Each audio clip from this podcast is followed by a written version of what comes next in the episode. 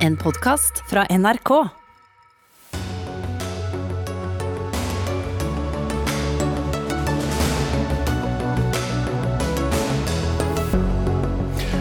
Færre vil bli lærere, viser årets søkertall. Her står Høyre og ser på at det skjer en lærerkrise, hevder Arbeiderpartiet. De er brennende opptatt av klimaspørsmål, rusreform og skole, og begge har et anstrengt forhold til Frp. Men SV og Venstre kjemper på hver sin side av det politiske spekteret. Begge har i dag landsmøte.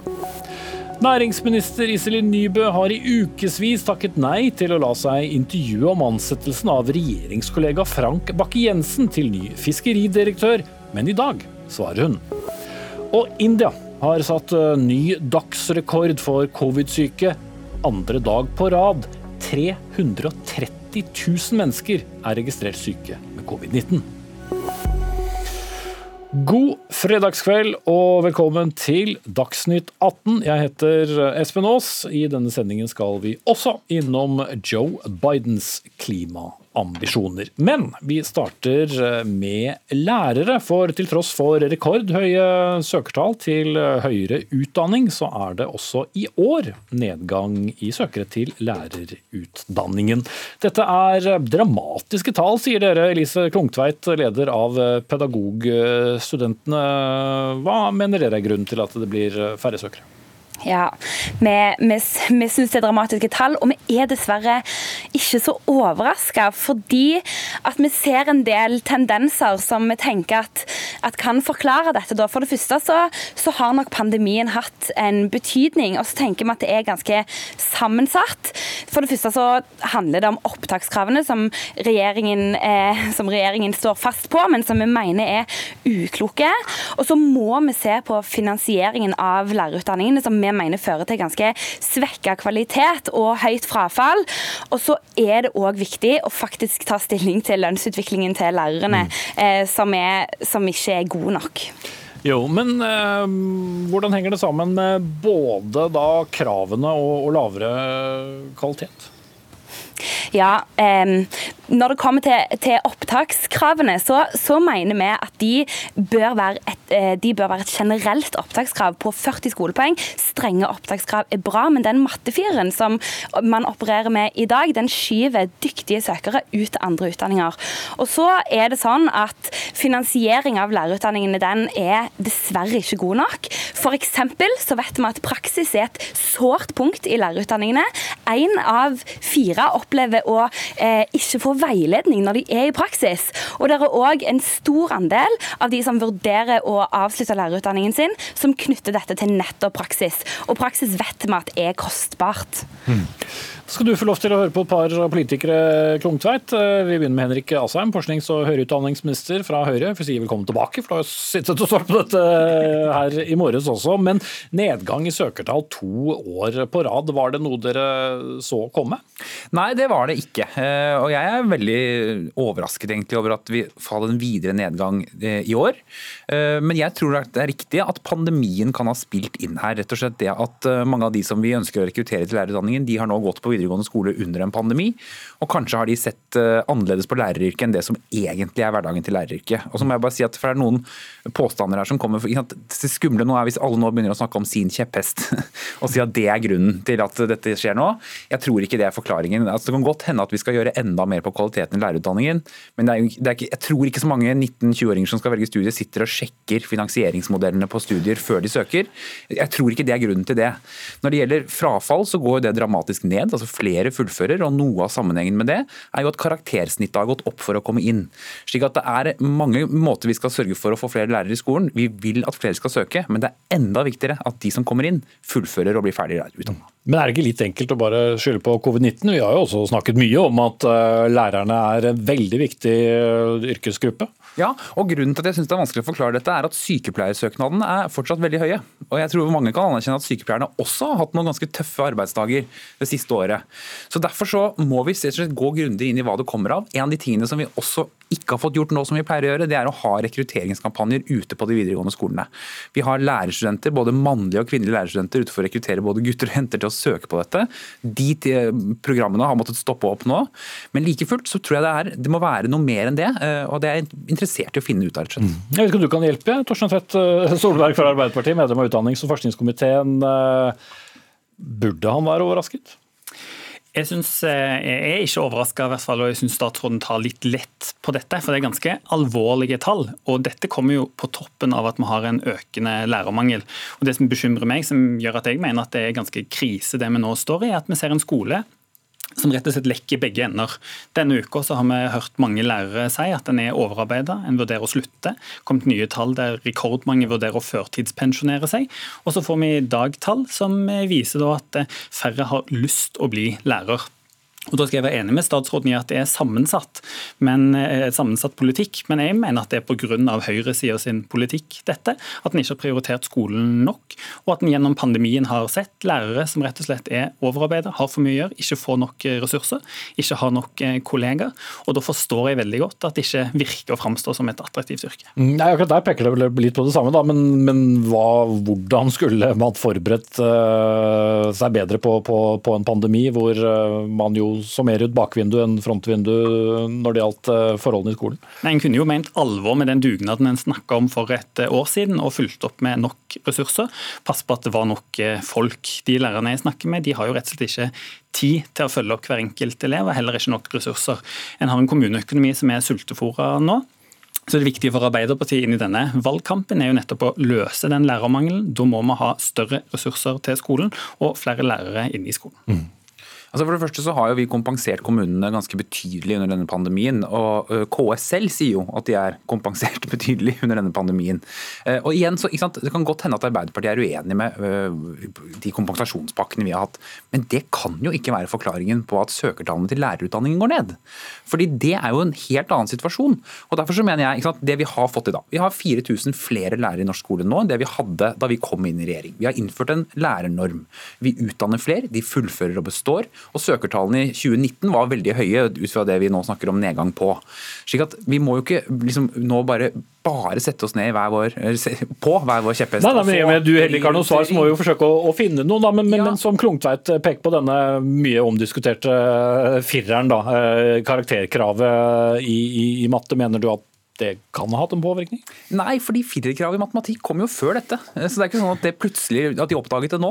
Og det vi så faktisk var jo at Selv om søkertallene gikk ned i fjor, så var jo de som søkte, de var kvalifisert. Og flere av dem møtte opp på lærerutdanningen på høsten enn det de pleier å gjøre. Så det er et eller annet der med motivasjonen som er veldig positivt. Så skal ikke jeg si det skjer i år òg, men jeg håper det skjer i år òg. Mm. Ja, vi vet jo ikke helt eh, heller om, eh, om de som søker og, og hvor kvalifiserte de er. Det får vi vite litt senere. Men er det litt for tidlig å melde krise, Solberg? Solberg? Nei, jeg synes ikke det. for vi begynner, også, altså vi begynner allerede nå å se konsekvensene. Det er òg rekordmange ukvalifiserte nå som underviser i norske klasserom.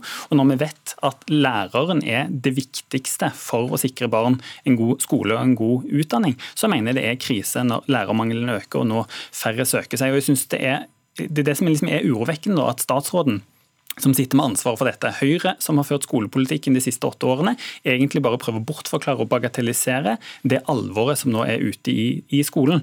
For det handler ikke kun om pandemien, det er jeg veldig opptatt av. Det handler om å sette på plass nok ressurser til skolene. Lærerne melder tilbake. Det var en, lærer, eh, Randi Tobiassen, som på NRK skrev at hun strekker rett og slett ikke til i sin hverdag som eh, lærer og tar et oppgjør med den skolehverdagen, testingen, målingen og det byråkratiet som, som er. Og det er det vi med dette valget vil ta et skikkelig oppgjør med. Mm. Vi vil altså, innføre en tillitsreform. Men det er interessant. fordi altså for det første er det slik at Vi har jo som sagt ansatt flere lærere, innført lærernorm, vi har laget lærerutdanning til en femårig masterutdanning, vi har laget karriereveier i skolen for lærerne. Alle disse tingene har vi gjort. Det er våre svar på hvordan vi skal gjøre norsk skole bedre. Så sier du vi skal ha langt mindre testing og kartlegging. Hva mener du med det? Vi vil, eh, takk, vi vil, ha en tillitsreform i skolen som handler om å gi mer tillit til de fagfolkene som er der. Og Da må det være mindre testing og mindre byråkrati og mindre tid på å bruke skjemaer. Høyre nå har som sitt, sitt, sitt svar på hver eneste problemstilling som kommer, å innføre en ny test. Nei. Nå skal en innføre en ny progresjons, digital progresjonsprøve sammen med Guri Melby og regjeringen. Det vil vi ikke ha. Vi vil heller ikke ha skolebidragsindikatorene.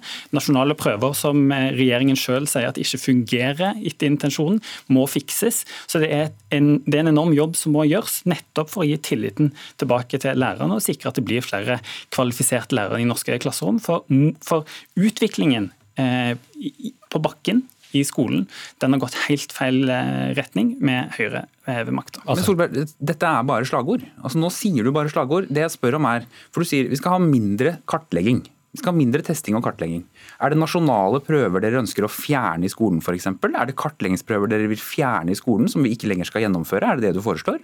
Nei, Nå var jeg kjempekonkret på hva vi vil. Og det viktigste for Arbeiderpartiet jo, Selv om du ikke er fornøyd, Nei, men... så vet jeg at læreren der ute er fornøyd med dette. Mm. Og det læreren der ute garantert ikke er fornøyd med, er en ansvarlig statsråd som bare sitter og bagatelliserer de utfordringene skolen nå eh, står i. Men kan jeg Vi har en fallende rekruttering. Nei, Jeg vil egentlig utfordre deg tilbake. Ja. For hva er Høyre sin løsning da på dette? Deres skolepolitikk de siste åtte årene har ført til en økende lærermangel og nå fallende rekruttering to år på rad. Hva er Høyre sin sine nye svar på det, eller er det bare de samme gamle kjepphestene som Høyre skal eh, fortsette med å gjennomføre, som fortsatt er feil medisin på skolen? Men for Det første, det vi har gjort, det er altså øke opptakskravene, øke statusen, endre lærerutdanningen, lage karriereveier i klasserommet. Fått flere søkere, fått flere til å gjennomføre og bestå. Fått flere til å gjennomføre og bestå. 12 færre er nyheten i dag. Hvordan ja. kan du påstå at det er flere? Fått flere til å fullføre og bestå, ansette flere lærere, flere møter opp, færre faller fra. Alt det har vi fått til, og så skal vi fortsette å utvikle norsk skole på den måten. Men altså, er det du, som sitter, her med, men er det du som sitter her med kjepphestene dine. Åtte år med høyrepolitikk har følt det fallende rekruttering til Det er færre nå som har lyst til å bli lærer pga. deres politikk. Lærermangelen øker pga. deres politikk, og Høyre kjører sine gamle kjepphester. Jeg er jo veldig glad for at det er valg til høsten, for da kan vi få til et nytt flertall som fører en ny skolepolitikk. For det Høyre sine svar de fungerer åpenbart ikke. Men har du tenkt å fjerne noen kartleggingsprøver? Ja, eller vi har tenkt å se Hvilke på nasjonale prøver. Jeg sa det nettopp.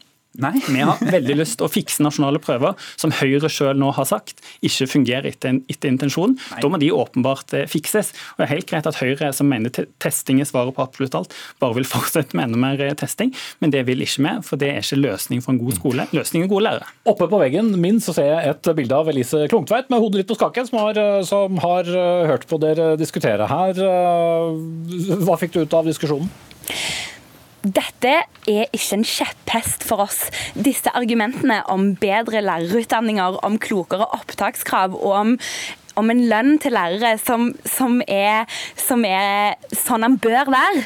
Det er ikke kjepphester. Det kommer fra en alvorlig bekymring for at vi faktisk lever i et samfunn der de som skal søke høyere utdanning, ikke ønsker å søke seg til lærerutdanningene. Og det kan vi ikke ha, så lenge det er faktisk det viktigste yrket vi har i dette samfunnet vårt.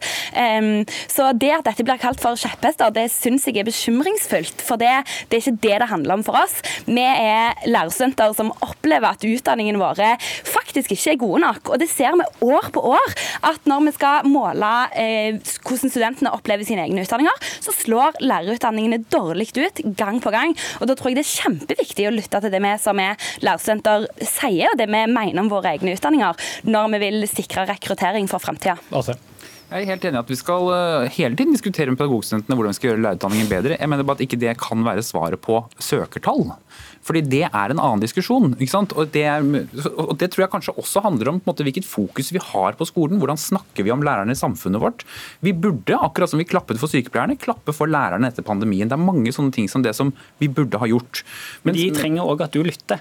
For det er det som er hele poenget i det alvoret som Elise her tar opp.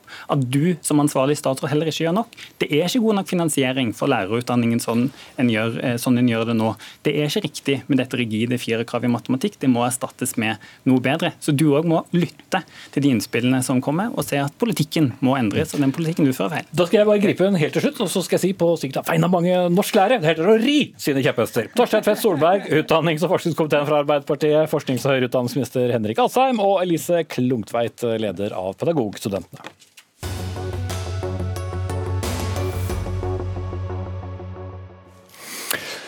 Begge partier er opptatt av klimaspørsmål, de er opptatt av rusreform og de er opptatt av skole. De har begge et anstrengt forhold til Fremskrittspartiet og har mange urbane velgere. Men de befinner seg på hver sin side av det politiske spekteret.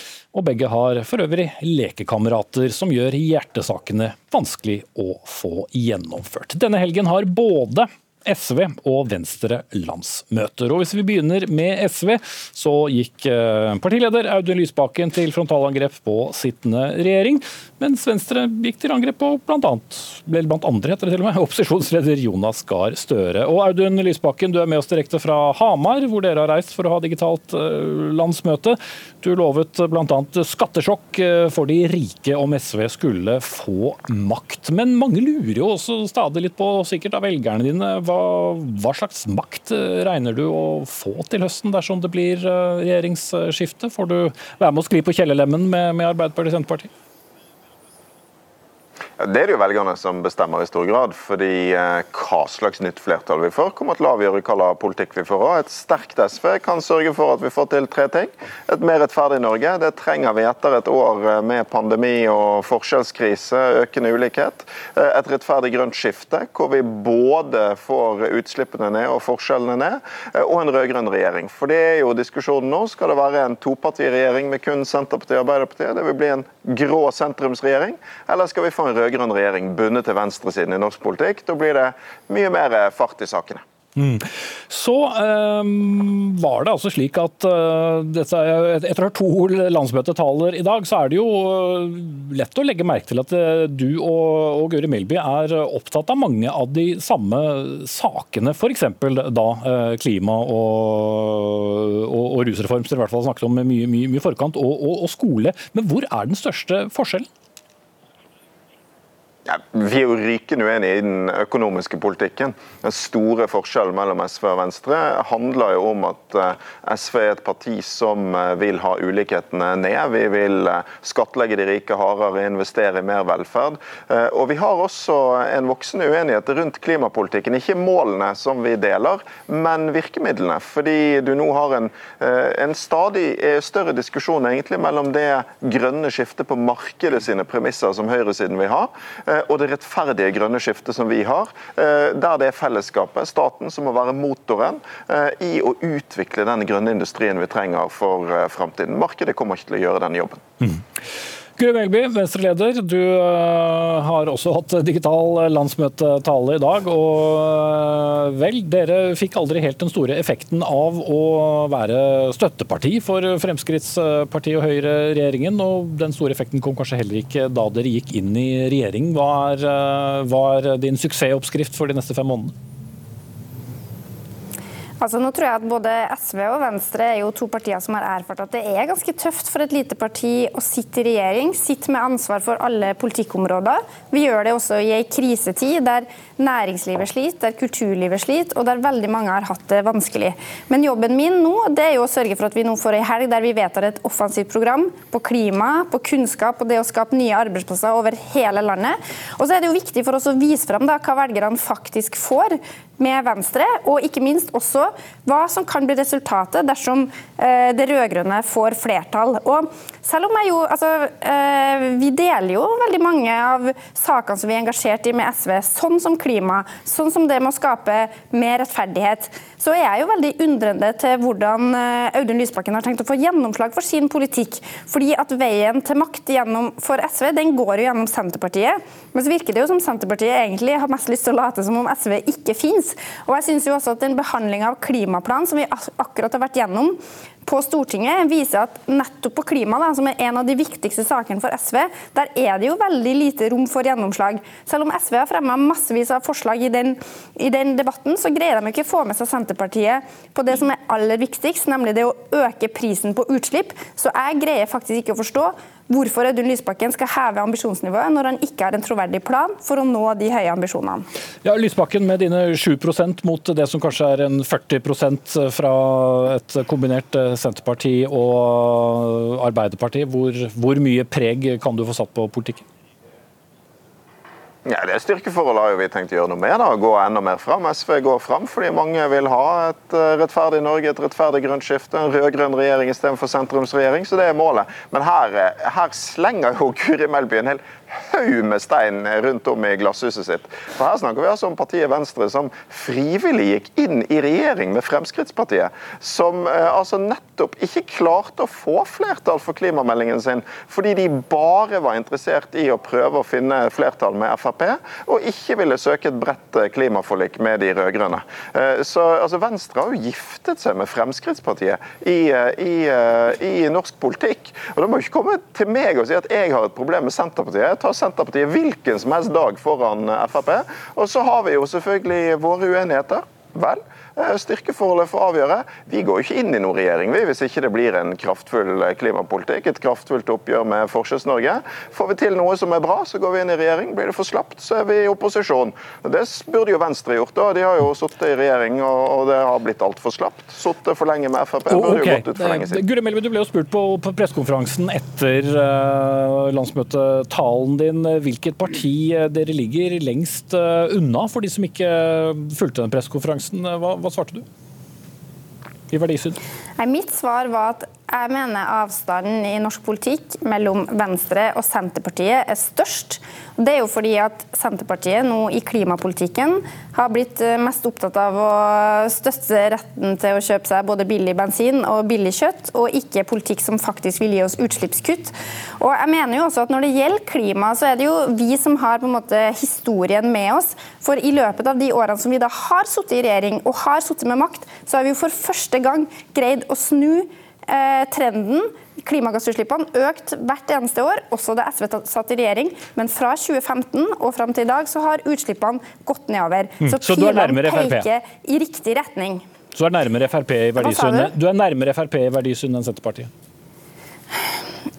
Altså, det er også veldig stor avstand mellom eh, Frp og Venstre i en rekke saker. Men det som er en stor forskjell på Frp og Senterpartiet, da, det er jo at Frp faktisk har vært med på en rekke reformer som har bidratt til å modernisere Norge. Og vi som ønsker å ta vare på velferdssamfunnet, vi er faktisk nødt til å modernisere det. SV går jo til valg på å reversere omtrent alt som har skjedd av endringer, enten det handler om jernbanereform eller reform på alle andre områder. Eh, og der har de jo da, Det er jo en av de få tingene de er faktisk enige med Senterpartiet i. Så SV er jo et parti parti som vil ta Norge baklengs inn, inn i framtida. Jeg tror ikke det er det som vil gi oss nye arbeidsplasser, sikre velferd for framtida, og i hvert fall ikke vil bidra til å ta ned klimagassutslippene våre. Ja, Lysbakken, det er, vel en sannhet at uh, dere sliter litt med, med, med, litt vanskelige samarbeidspartnere uansett hvem som uh, skal drive regjering fra høsten? Jo da, men nå, nå, tror jeg Melby liksom understreket egentlig helt på egen hånd hva som er hennes store troverdighetsproblem, og det problemet heter Sylvi Listhaug. For Venstre er avhengig av Sylvi Listhaug for å ha noe flertall i norsk politikk, og det er ikke noe vei å gå hvis du vil eh, f.eks. løse klimaproblemene. Og Så er det jo noen interessante debatter Melby trekker opp, da, som jeg tror belyser veldig godt forskjellen på oss to. Hvis du virkelig mener det er modernisering å privatisere jernbanen, sånn at du får en haug med unyttige selskaper, flere direktører direktører med millionlønn, mens vanlige arbeidsfolk i jernbanen frykter for arbeidsbetingelsene sine. Hvis du syns det er modernisering å gjøre drosjesjåfører til løsarbeidere. Sant? Det bare viser Venstre er dessverre et parti som bidrar med en forskjells- og privatiseringspolitikk som vil øke ulikhetene i det norske samfunnet, eh, og som er jo eh, også svært fagforeningsfiendtlig. Ofte liksom det, mest, eh, det partiet som er mest ivrig på å stå opp med anti-LO-standpunkter, f.eks. Jeg syns ikke det er moderne i det hele tatt. Jeg. Det som er moderne, er jo tvert imot å sørge for sterke fagforeninger. og Sørge for at vi får forskjellene ned. Rydde opp i arbeidslivet. Ikke ja. den der forskjells- og konkurransepolitikken. Ja, Guri Melby. Altså, når det gjelder jernbane, da, så tror jeg at folk har fått med seg at det har vært en historisk satsing på jernbane. Så mens SV satt i regjering med Senterpartiet, som ikke satsa på jernbane, så har vi nå en regjering som har en historisk sterk satsing på jernbane. Og jeg tror faktisk ikke folk bryr seg så veldig mye om hvilke selskap det er som kjører tog. Det de bryr seg om, er at toget kommer når det skal, at det går ofte nok, og at det er til en rimelig pris. Og Det er jo en sånn reform Venstre har sørga for, og det er på den måten vi tar Norge videre. Eh, og det å snakke om eh, fornying, altså det handler om å ta vare på det som er bra, men sørge for at det blir enda bedre i framtida. Og, og, så er det et siste poeng som jeg har lyst til å ta fram. at Det er én ting til som SV og Senterpartiet er enige om, og det er at de vil skrote EØS-avtalen. Og er det én ting som er en trussel mot norske arbeidsplasser over hele landet, så er det dersom vi tar fra dem det viktigste markedet. Derfor om vi tar fra dem et viktig sted å få arbeidskraft fra. Eh, de vil jo kutte båndene til Europa, mens vi ønsker å styrke det internasjonale samarbeidet. Lysbakken. Ja, altså, dette er jo da eh, Frp sitt samarbeidsparti som eh, skal belære andre om å være internasjonalt orientert. Altså, jeg, jeg, bare, jeg vil bare gi Guri Melby råd bare gi opp den strategien. Hver gang du sier Senterpartiet, kommer jeg til å si Sylvi Listhaug, og det er ditt store troverdighetsproblem. Vi får heller på hva vi får til, da. Og da handler det jo om viktige saker for folk. Ja, F.eks. jernbanen. Det er jo sånn at dere har gjennomført en notorisk upopulær jernbaneprivatisering. de andre moderniseringsreformene deres, hva har det blitt av det? da? Notorisk upopulær tvangssammenslåing av fylker har jo ikke vært så veldig vellykket. Sant? Så nå må vi begynne å høre på folk istedenfor. Uh, vi må begynne å føre en politikk som tar på alvor det folk uh, f.eks. sa i meningsmålingen i Aftenposten forrige uke, at den aller viktigste saken for velgerne på vei inn i uh, dette valget, er de økende forskjellene i Norge. Fordi pandemien har vist hvor ille klasseskillene er. Men det Venstre har vært med på i regjering, det er altså å gi de som har blitt styrtrike på børsen gjennom kriseåret, ytterligere ytterligere skattelette på aksjeformuene sine. Okay. Det er ganske avslørende. Melby, til slutt noen råd til Audun Lysbakken altså, dersom han skulle bli lillebror i en ny regjering? Men altså Det viktigste vi kan gjøre for å få ned ulikhetene, det er å sikre at vi greier å skape nye arbeidsplasser og sørge for at enda flere kommer seg i arbeid. Og ikke minst at vi satser på utdanning og kunnskap, sånn at enda flere får en god tilknytning til arbeidslivet. Og så har jeg også lyst til å utfordre Audun Lysbakken på det rekker ikke noen utfordring nå fra gjort for å avskaffe en viktig, viktig ulikhet i Norge, det hadde vært å gjennomføre en rusreform som gir verdighet til noen av dem som har det aller vanskeligst i samfunnet vårt. Jeg skulle ønske at et av de kravene han hadde stilt til en ny rød-grønn regjering, det det var å gjennomføre en rusreform. Ok, Han får ta det med seg til neste gang han kommer til Dagsnytt 18. Godt landsmøte til både Venstre og, og, SV. Og ja, etter den kanonaden av advarsler mot forskjellige um, alternativer, skal vi snakke med kommentatorene. Tone Sofie Aglen, kommentator i, i VG. Litt uklar fremtid da, egentlig for både SV og, og Venstre i hver sin koalisjon, men hvis du skal bedømme de to partiene du så fra din PC-skjerm eh, på digital landsmøte i dag. Hva slags partier så du? Nei, Det er jo på en måte litt like partier, både med hjertesaker, hvem de appellerer til, eh, eh, at det er partier som gjør det godt i store byer. Men jeg syns den debatten her illustrerte også den virkelig store forskjellen hvor den ene står på venstresida, stat, kritisk til det private, mot venstre som er opptatt av frihet. Og så har jo Begge er jo påfallende avslappa med tanke på at de har en ganske utfordrende situasjon eh, før og etter valget. Og det er uten noe tvil om at eh, Venstre er det partiet som har de aller største utfordringene, som eh, har ligget under sperregrensa jevnt i flere år. De kan risikere ikke bare å miste plassen sin i regjering, men de kan miste nesten alle stortingsrepresentantene. Bli sittende igjen med kun Guri Melby og kanskje Abid Raja på Stortinget. De er veldig svekka ut i lokallagene. men Venstre Venstre har aldri vært et parti som uh, har noe veldig sånn dårlig sjølbilde av den grunn. Da. Så det, det kommer vel kanskje ikke helt uh, fram i Guri Melbys tale i dag. Men, men kort da om, eh, om, om, SV. For det er jo, selv om de ligger langt bedre an på, på, målingene enn det Venstre gjør, så er det jo stadig da litt uklart. For Senterpartiet vil jo ikke ha dem med i regjering, mens Arbeiderpartiet godt tar dem med, og så er de langt unna hverandre i mange politiske spørsmål. Ja, og SV sin utfordring er jo at de brant seg jo skikkelig på å sitte i regjering og har brukt veldig mange år på å bygge seg opp der de er eh, i dag. Og, og utfordringa for SV med en ny regjering er jo til et veldig annerledes politisk landskap, hvor Senterpartiet sin vekst har jo også gitt et ganske annet Senterparti, som Guri Melby påpekte flere ganger her i dag. Og i tillegg, så hvis SV velger å, eller havner utafor regjering, så er det ikke sånn at de får all oppmerksomhet alene på venstresida i opposisjon. Der har man liksom både fått Rødt og MDG. Så det kan liksom bli litt sånn krevende for eh, SV om de kommer i regjering eller ikke. Mm. Og Magnus Akvam, politisk kommentator her i NRK. Nettopp det at eh, Senterpartiet har fått så mye av rampelyset over så lang tid, og så gjør det veldig godt på, på målingene. Hva gjør det med politikken til SV? For de kan jo ikke drive en valgkamp hvor de konstant er i opposisjon til noen de kan havne i regjering med? Mm, nei, For det første så er det verdt å observere synes jeg, at i motsetning til Venstre så har SV eh, tatt distriktspolitikken, distriktsopprøret, på alvor. Og hvis du ser på vår store måling, så har SV tross alt ganske stor oppslutning fremdeles i Nord-Norge, mens Venstre nærmest er radert ut. De har valgt eh, personer med, med kunnskap om fiskeripolitikk, som Fylkesnes f.eks.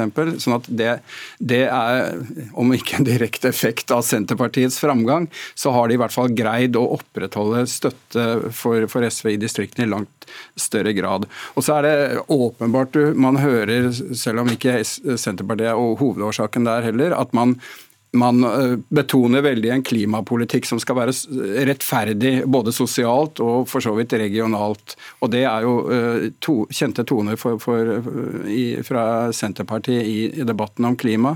Audun Lysbakken sa at det er helt greit for han om en velger kjører i dieselbil til valglokalet, bare, bare liksom eh, han kan få igjen hvis avgiftene blir høye, dette i en sånn folkeaksje tilbake liksom til Sånn at eh, det er noen, noen poenger. De, de, tilpasser seg litt hverandre. Men mens vi snakket om på, på telefonen tidligere i dag, Tone Sofie Aglen, eh, når det gjelder sakseierskapene til Venstre, hvilke saker er det som Venstre klarer å holde på? Det er jo det som er Venstres eh, grunnleggende problem. For de har jo eh, veldig svakt sakseierskap. Eh, ikke det noen saker egentlig er det at de peker seg ut og er det, det partiet hvor de den, velgerne mener at de har den beste politikken.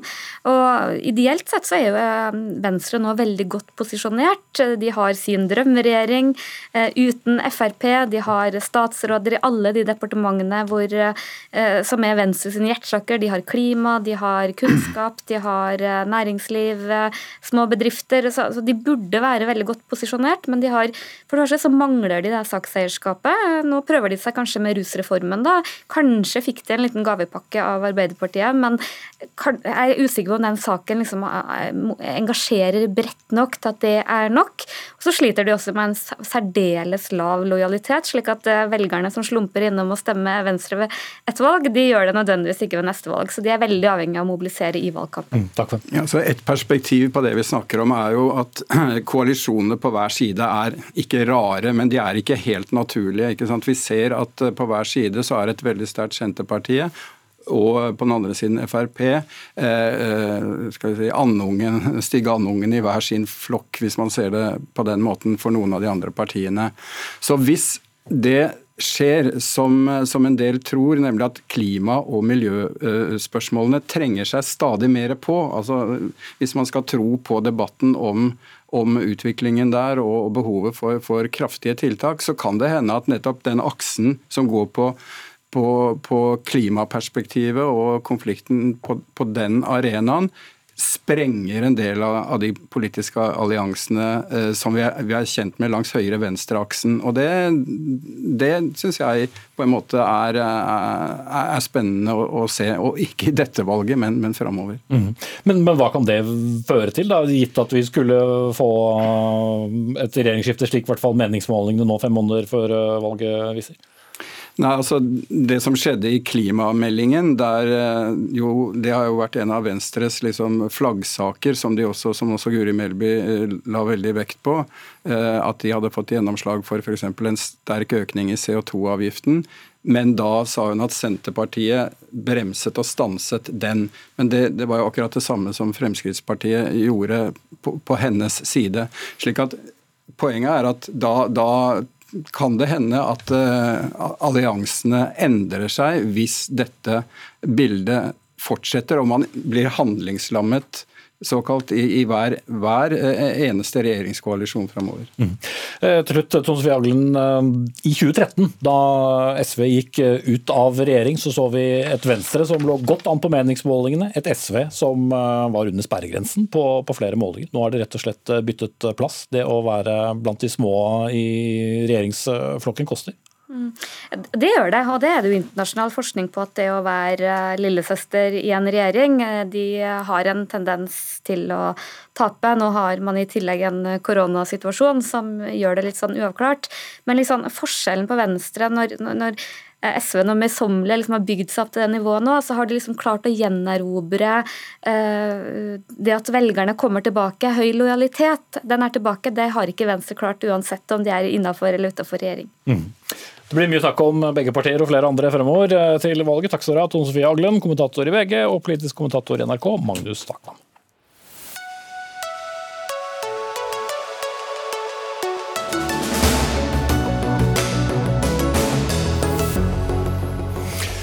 Mot slutten av Dagsnytt 18 skal vi direkte til India, som daglig setter dystre rekorder i smitte og syke. Men eh, nå skal vi fortsatt snakke om klima, for eh, USAs nye president eh, Joe Biden fikk mye oppmerksomhet med sine lovnader om å kutte minst 50% i USAs klimagassutslipp innen 2030, og har også høstet mye skryt og anerkjennelse også fra vår egen statsminister for sitt ønske om å begrense global oppvarming til halvannen grad og ikke to. Steffen eh, Kalbekken, du er forskningsleder for klimaøkonomigruppen hos Cicero og har fulgt med på dette digitale eh, klimamøtet, som er da i forkant av det store klimatoppmøtet som skal være i Glasgow i Skottland i Storbritannia til, til høsten. Hva er det viktigste som, som har skjedd? Det vi har sett nå, det er et veldig stort skritt i riktig retning. Vi må tilbake til Parisavtalen i 2015 for å forstå dette. Da vedtok man noen veldig ambisiøse globale mål. Vi skulle begrense oppvarmingen til godt under to grader, helst 1,5 grad. Og så visste de at de nasjonale målene de var ikke tilstrekkelige for å klare det. Så det lagde en prosess der landene hvert femte år skal stramme inn klimapolitikken, så vi gradvis kommer nærmere det globale målet. Eh, det vi nå ser, er et del av den prosessen, det er at landene strammer inn klimapolitikken. Eh, Biden sammenkalte det toppmøtet, la sjøl fram ambisiøse planer, og fikk også flere andre med seg som benytta anledninga til å legge fram planer.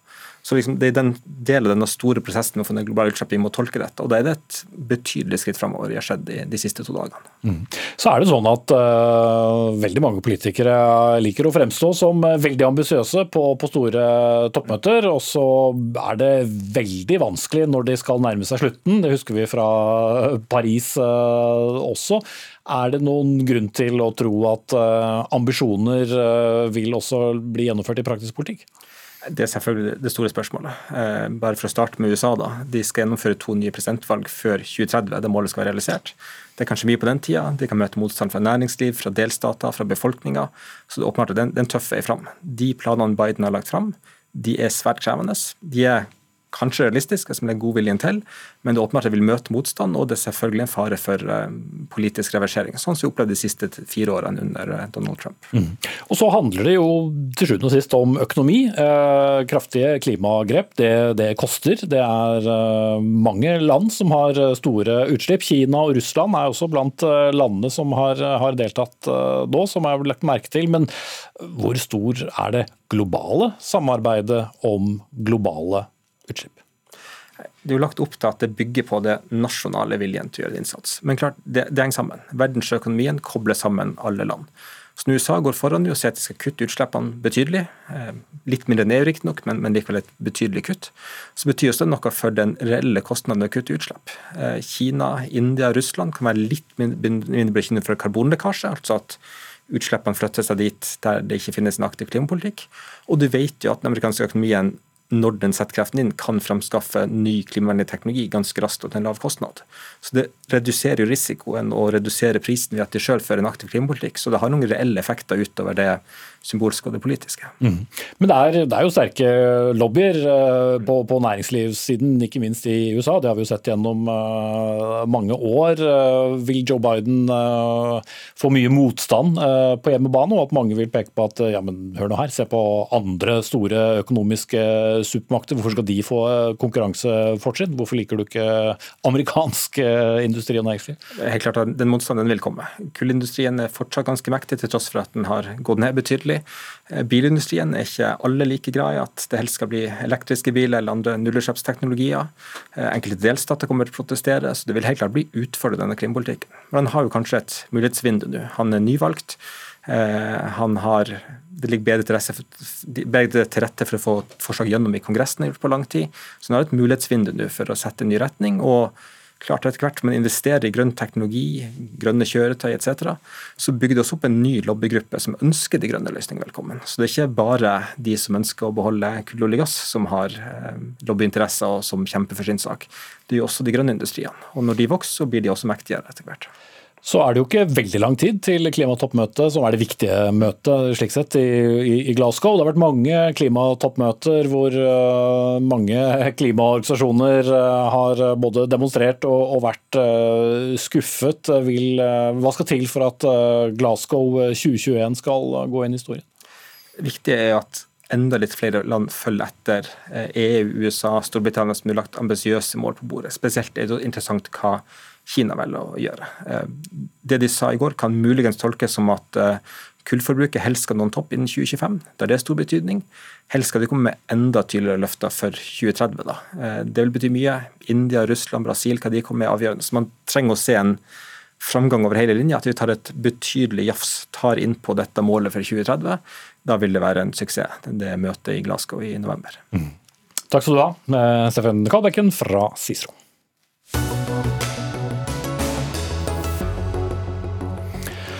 Regjeringens utnevnelse av nåværende forsvarsminister Frank Bakke-Jensen til ny fiskeridirektør 21.9 i fjor har fått en del oppmerksomhet etter hvert. Annet har opposisjonen på Stortinget kritisert utnevnelsen. Det ble ikke offentliggjort at Bakke-Jensen var søker til stillingen, og først to måneder etter at Bakke-Jensen søkte, så ble næringsminister Iselin Nybø fra Venstre settestatsråd for fiskeriminister Odd Emil Ingebrigtsen fra Høyre, som hadde meldt seg seg inhabil. Det var ukeavisen Dag og Tid som først skrev om denne saken. Mange medier har ønsket å få svar om denne saken, også, også Dagsnytt 18. Vi har de siste to ukene invitert deg, Iselin Nybø, hit til studio. Du har, har takket nei, men nå er du med oss fra Venstres landsmøte. Hvor vanlig er det at en regjering utnevner eh, en sittende statsråd til en slik direktørjobb? Det er ikke vanlig. Det har eh, skjedd før at eh, statsråder eh, som sitter i regjeringen har blitt utnevnt i embetsstillinger. Men nettopp fordi det er litt uvanlig, og fordi det skaper en del følelser eh, knytta til denne ansettelsen, så, så, er det to ting som har vært viktige for meg. Det er for det første at det er Frank Bakke-Jensen som er, var den best kvalifiserte kandidaten til jobben. Og jeg har fått en klar anbefaling både fra et eksternt byrå vi brukte, og fra mitt eget embetsverk som sier at han var den beste kandidaten til jobben. Den andre tingen som var viktig for meg, det er at eh, dette byrået vi brukte, og embetsverket i Nærings- og fiskeridepartementet, skulle få gjøre sin vurdering på vanlig måte. Eh, på, på, samme måte som de ville gjort hvis ikke Frank Bakke-Jensen hadde søkt stillingen. Eh, og at det var en prosess som skjedde uten politisk innblanding fram til de hadde levert sin anbefaling til meg. Mm. Eh, når fikk du vite at uh, din regjeringskollega Bakke-Jensen var søker til fiskeridirektørstillingen? Jeg fikk vite det før eh, sommerferien, når, eh, når fiskeri- fiskeri- og, sjømatministeren eh, selv anså seg for å være inhabile. Da, da, fikk jeg beskjed om at han hadde søkt jobben, og at det eh, var naturlig at jeg òg trådte inn i det som var forberedelsen til, til saken. Men eh, jeg ville uansett vært ansvarlig, for det er jeg som er ansvarlig statsråd i departementet. Så jeg ville uansett vært ansvarlig for, for selve ansettelsen, men da, da fikk jeg en annen, en annen en rolle òg i, i forberedelsen. Men hvorfor ble du da utnevnt til settestatsråd 14.8? Det var, eh, det var, praktiske årsaker, for dette skjedde jo eh, på sommeren. og Så går det en stund før vi har statsråd igjen. og Så var det litt sånn usikkert hvorvidt jeg skulle eh, måtte være settestatsråd, eller om jeg kunne gjøre denne ansettelsen bare i kraft av å være departementets øverste leder. Mm. Ja, men Må det, du være settestatsråd når du er den øverste ansvarlige? Det fremstår litt rart. Ja, og det er fordi at eh, hvis, hvis, hvis, fiskeri- og sjømatministeren ikke hadde vært inhabile, så ville han hatt en naturlig rolle i forberedelsen av saken eh, før, før han ville kommet til meg. Men i og med at han var inhabil, så hadde han heller ikke det. Dag Terje Andersen, du er leder av Stortingets kontroll- og konstitusjonskomité fra Arbeiderpartiet. Du har vært veldig ivrig på, på denne saken og har hatt uh, mange spørsmål du vil ha svar på. Hva er uh, det fra ditt ståsted som, er, uh, som, som bringer frem de største spørsmålene ved, ved den utnevnelsen? Ja, var, det er jo sånn at Kontrollkomiteen behandla hvert halvår regjeringas protokoller. Og i fjor høst, da når Bakke-Jensen var utnevnt, så uh, sa jeg fra i Stortinget at dette kom til å bli en sak ved denne behandlinga som vi nå driver med. Uh, og Det som er alvorlig med den, er at det tones veldig ned nå. At det her er veldig uvanlig. Nybø sier at det her har skjedd før. Ja, Det har bare skjedd før i det denne regjeringa, altså under Erna Solberg som statsminister. Eh, og Vi har gått til kilden og funnet ut at helt siden 1909, da det var Gunnar Knudsen, partifelle av Nybø, som var eh, statsminister, og Johan Castberg var veldig tydelig i Stortinget på at utnevnelse av kolleger fra regjering til embetsstillinger, det kan vi ikke ha noe av. Helt siden den gangen så er det ingen stats statsminister som har latt det skje. Mm. 112 år, altså. Vi har fått bekrefta det at av mange som var statsråd under Kåre Willoch, at det, det var åpenbart at sånt ikke måtte skje.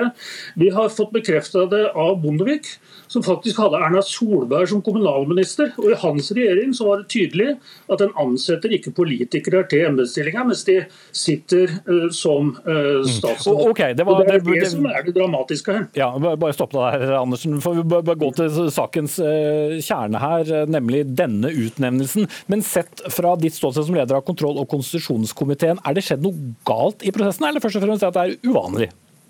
Ja, det har skjedd noe veldig gærent. og Det er at det er en statsråd som har blitt utnevnt til en embetsstilling, mens han fortsatt sitter som statsråd. Det var derfor jeg begynte der jeg begynte. Det har òg skjedd ved to utnevnelser av det som da den gangen het fylkesmenn. Aspaker i forrige periode, og en gang i denne perioden der Bent Høie har blitt utnevnt til fylkesmann. Men det som er spesielt i tillegg da, til fiskeridirektørstillingen, og at det er en enda alvorligere sak, er punkt 1, det er en fagdirektørstilling. Og I Norge så har vi et prinsipp om at embetsverket skal være nøytralt. Og Da er du ikke det når du blir ansatt av dine kollegaer i regjering og fortsetter som statsråd. Mm. Og Så kommer det i tillegg, som du allerede har stilt en god del spørsmål på, selve prosessen rundt ansettelsen av Bakke-Jensen, som også har vært veldig rotete. og Det har du allerede gitt noen eksempler på.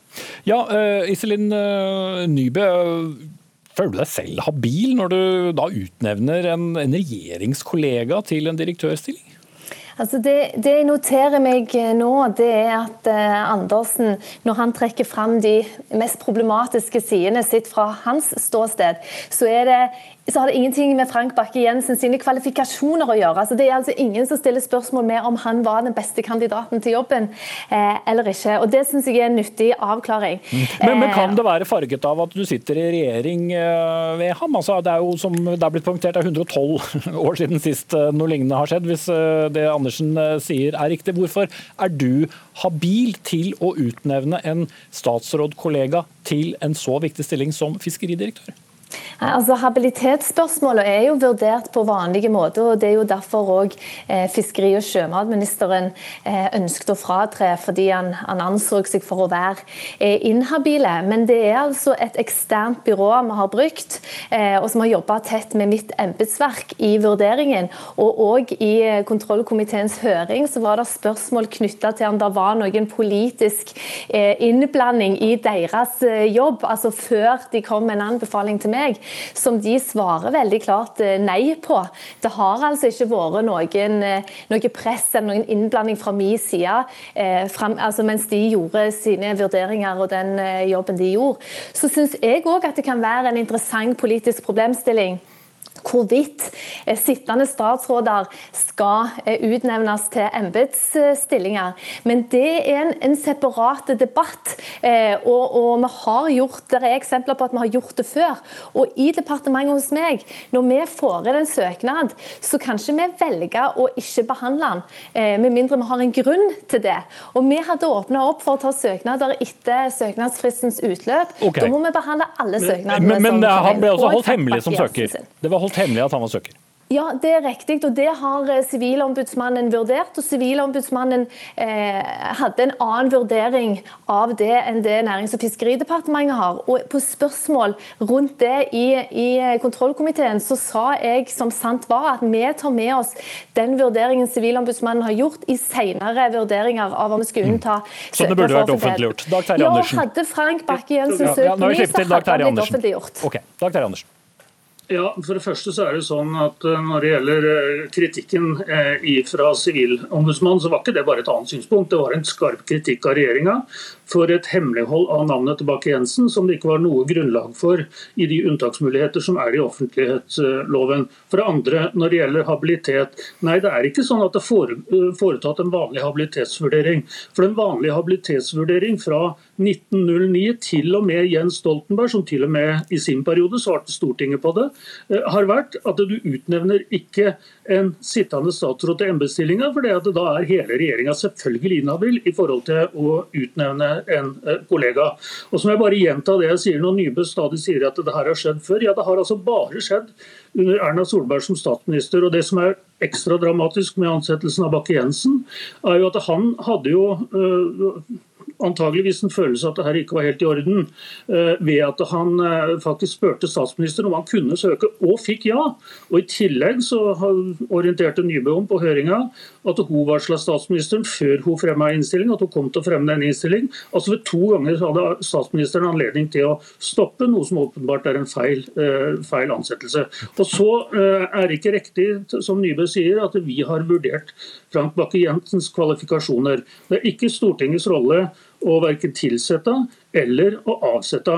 Men når du først bringer opp det temaet, så kan jeg si at de to fylkesmennene som er veldig kritikkverdig ble ansatt eh, der ja, vi, vi, lar de, nok eh, bakgrunn Vi lar statsforvalterne ligge i denne omgang, som de nå, nå heter. Men uh, Nybø uh, altså, Det ble jo skrevet om andre søkere til den samme stillingen som uh, gode, kvalifiserte søkere. Hva var det som gjorde at nettopp Bakke-Jensen, din regjeringskollega, var beste søker?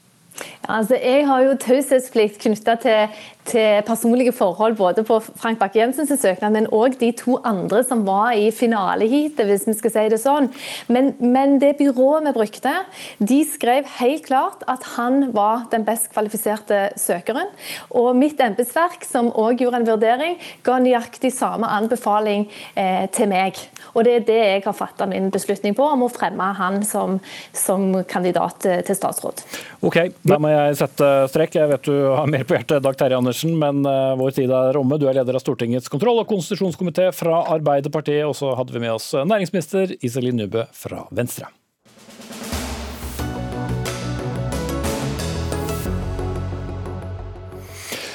Vi skal nå til India i Dagsnytt 18, der helsevesenet er i ferd med å bukke under i den andre store covid-19-bølgen. Flere sykehus er tomme for eh, oksygen.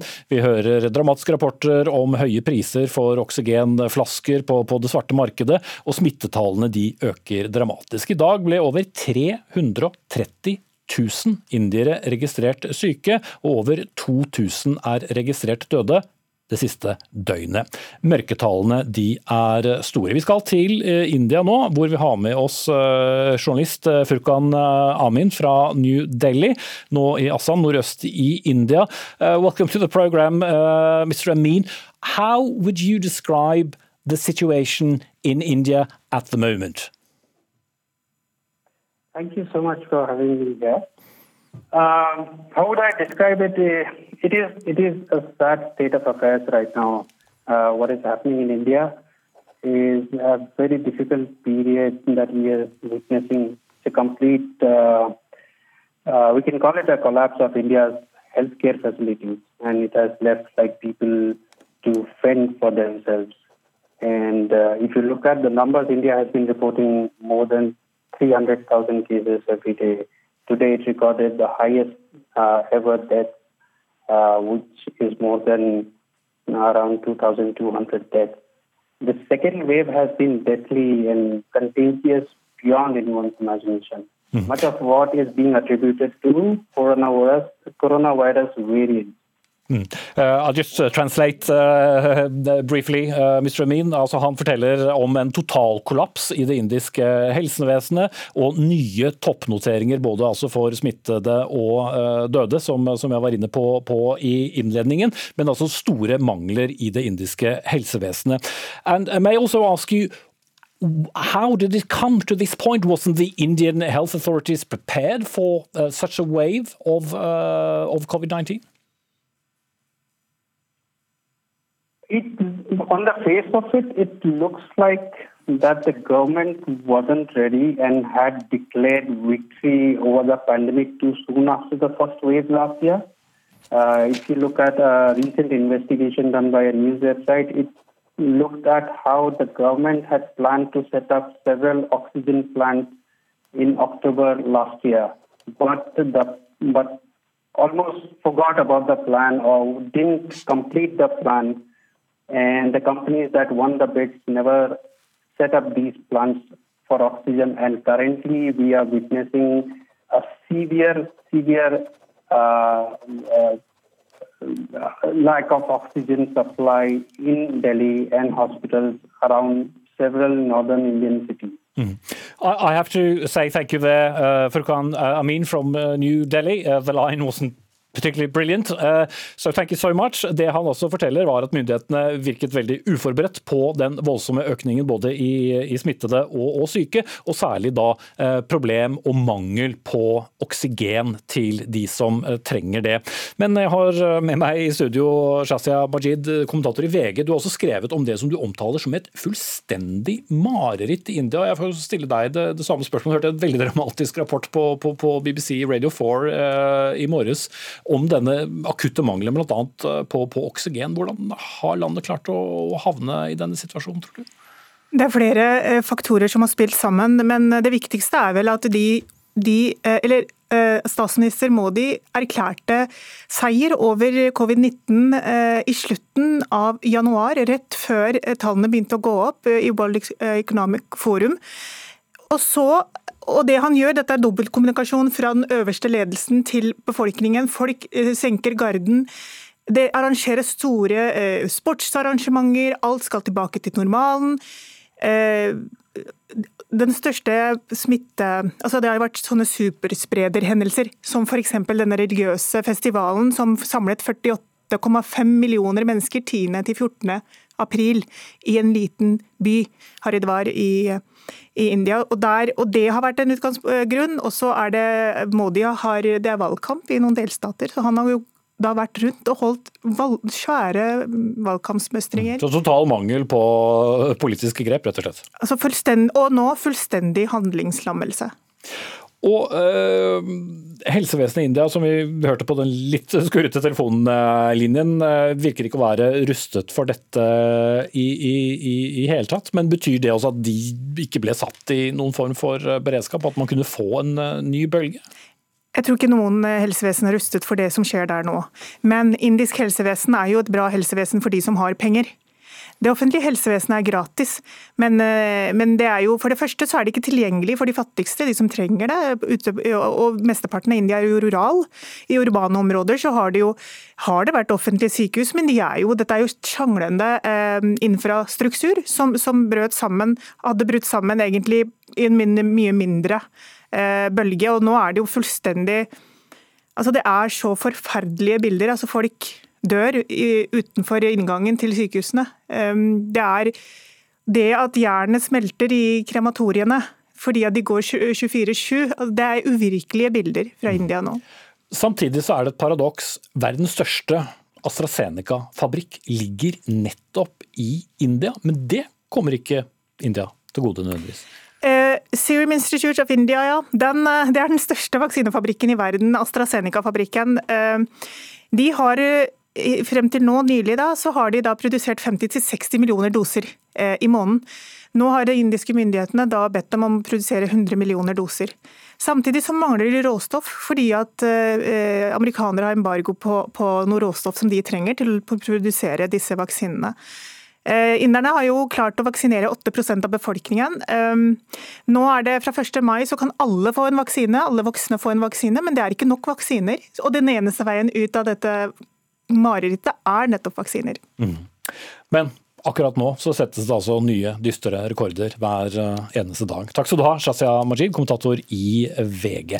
Og dermed så er eh, denne ukens siste Dagsnytt 18-sending ved veis eh, ende, den. Det var Dag Dørum som var ansvarlig for innholdet. Frode Thorshaug tok seg av det tekniske.